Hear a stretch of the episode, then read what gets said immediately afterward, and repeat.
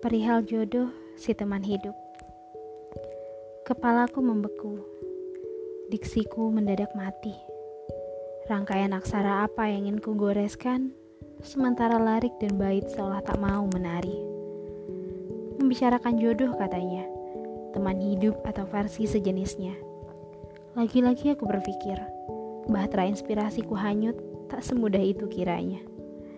Baiklah, aku harus selamat tak mau tenggelam dalam lautan labirin kehidupan, biar ku simpul benang-benang hati, menulis maknanya barang sedikit. Jadi siapa itu jodoh? Pertama, ialah orang yang paling bisa memaklumi keadaan diri kita. Kedua, ialah orang yang paling bisa memaafkan kesalahan diri kita. Ketiga, ialah orang yang paling memotivasi diri kita. Keempat, ialah mantapnya dua hati untuk saling bersinergi. Kelima, ialah membuatmu berhenti untuk mencari.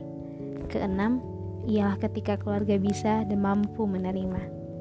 Ketujuh, ialah paling inti dan permudah jalannya oleh Allah Subhanahu wa taala. Ini belum keseluruhan, tapi setidaknya ini rangkuman kata ulama yang kusimpulkan. Semoga mampu mencerahkan jodoh bagaimana yang sedang aku dan kamu cari. Selamat mendengarkan, silakan selami.